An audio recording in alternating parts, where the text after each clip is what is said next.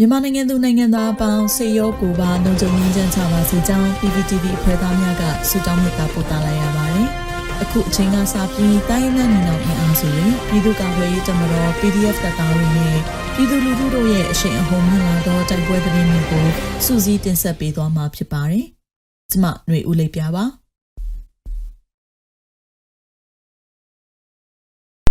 ပထမဦးစွာမြိုင်တရက်ကံ ပြူစောတိရွာရှိစစ်တပ်ကို PDF တပ်ဖွဲ့ကလက်နက်ကြီးများဖြင့်ပစ်ခတ်တိုက်ခိုက်ခဲ့တဲ့သတင်းတင်ဆက်ပါမယ်။မကွေးတိုင်းမြိုင်မြို့နယ်တရက်ကံပြူစောတိရွာရှိအကြံဖက်စစ်တပ်ကိုဒေသခံကာကွယ်ရေးတပ်ဖွဲ့များကလက်နက်ကြီးများဖြင့်ပစ်ခတ်တိုက်ခိုက်ခဲ့ပြီးစစ်သား2ဦးသေဆုံးကြောင်းနန့်တာမြေရခ PDF တပ်ဖွဲ့ထမှသိရှိရပါသည်။တရက်ကံပြူစောတိရွာကိုနန်တာမြေ ရခပြည်သူ့ကာကွယ်ရေးတပ်ဖွဲ့နှင့်မဟာမိတ်တပ်ဖွဲ့များကစက်တင်ဘာလ19ရက်နေ့ညနေပိုင်းတွင်လက်နက်ကြီးများဖြင့်ပစ်ခတ်တိုက်ခိုက်ခဲ့ခြင်းဖြစ်ပြီးစစ်သား2ဦးသေဆုံးကထိခိုက်ဒဏ်ရာရရှိသူ16ဦးရှိပြီးစစ်သားနှင့်ပြူစောထီများနေထိုင်သည့်နေအိမ်နှလုံးနှင့်ကင်းတဲတစ်လုံးထိခိုက်ပျက်စီးခဲ့ကြောင်းသိရှိရပါသည်ဆက်လက်ပြီးရေဥခင်ဦးလမ်းပိုင်းတွင်စစ်တပ်အရာရှိများလိုက်ပါသောရင်တန်းမိုင်းဆွဲတိုက်ခိုက်ခံရတဲ့တဲ့ရင်ဆက်တက်တင်ဆက်ပါမယ်။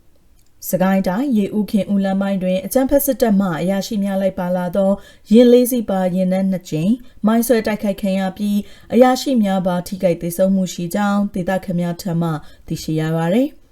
အကြံဖက်စစ်တပ်ရင်လေးစီးသည်ယနေ့စက်တင်ဘာလ20ရက်နေ့နနက်3နာရီခန့်တွင်ရေဦးမှခင်ဦးသို့ထွက်ခွာလာစဉ်ဒေသခံကာကွယ်ရေးတပ်ဖွဲ့များကအင်းဘက်ကွေအနီးနှင့် ကံတစ်ခင်ဦးအကြားတွင်နှစ်ကြိမ်မိုင်းဆွဲတိုက်ခိုက်ခဲ့ပြီးစစ်တပ်အရာရှိများပါထိခိုက်ဒေဆုံးပြီးရင်လေးစီးလုံးပျက်စီးခဲ့တာပါ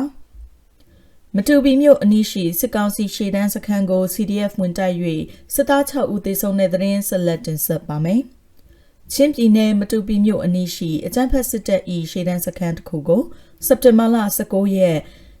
ယမန်နေ့ညနေ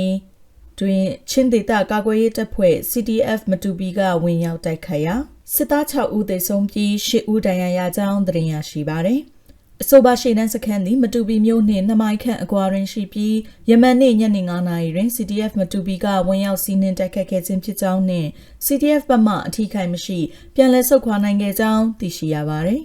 ။နောက်ဆုံးအနေနဲ့ရင်းမာပင်တွင်စစ်ကြောင်းကိုမိုင်းခွဲခံရပြီး25ဦးခန့်သေဆုံးတဲ့တဲ့တင်ဆက်ပါမယ်။ ရင်းမာပင်မြို့နယ်တွင် ခြေလျင်တက်ဖြန့်လာသောအကြမ်းဖက်စစ်ကောင်စီတပ်၏စစ်ကြောင်းကိုစက်တင်ဘာ19ရက်နေ့ PDF တပေါင်းစုကမိုင်းဆွဲတိုက်ခိုက်ရာစစ်ကောင်စီတပ်ဖက်မှ25ဦးခန့်သေဆုံးသွားကြောင်းဒေသကာကွယ်ရေးတပ်များကသတင်းထုတ်ပြန်ပါတယ်။စက်တင်ဘာလ19ရက်နေ့နနက်6:45မိနစ်အချိန်တွင်ဗန့်ပွေးရွာမှသို့ထောက်ပို့လာသောစစ်ကောင်စီက3စီး ခြေလျင်တက်ဖြန့်လာသောစစ်သားအင်အား90ခန့်ကိုပရိသာမိုင်းများဖြင့်တိုက်ခတ်ခဲ့ကြောင်းနနက်9နာရီမှနေ့လယ်7နာရီအချိန်အထိထိတွေ့မှုဖြစ်ပွားပြီးလေးချိန်တိတိပရိသာမိုင်းများဖြင့်တိုက်ခိုက်နိုင်ခဲ့ကြောင်းမိုင်းမီ၍စစ်သား25ဦးခန့်သေဆုံးပြီးထိခိုက်ဒဏ်ရာအများအပြားလည်းရရှိသွားကြောင်းသိရှိရပါသည်။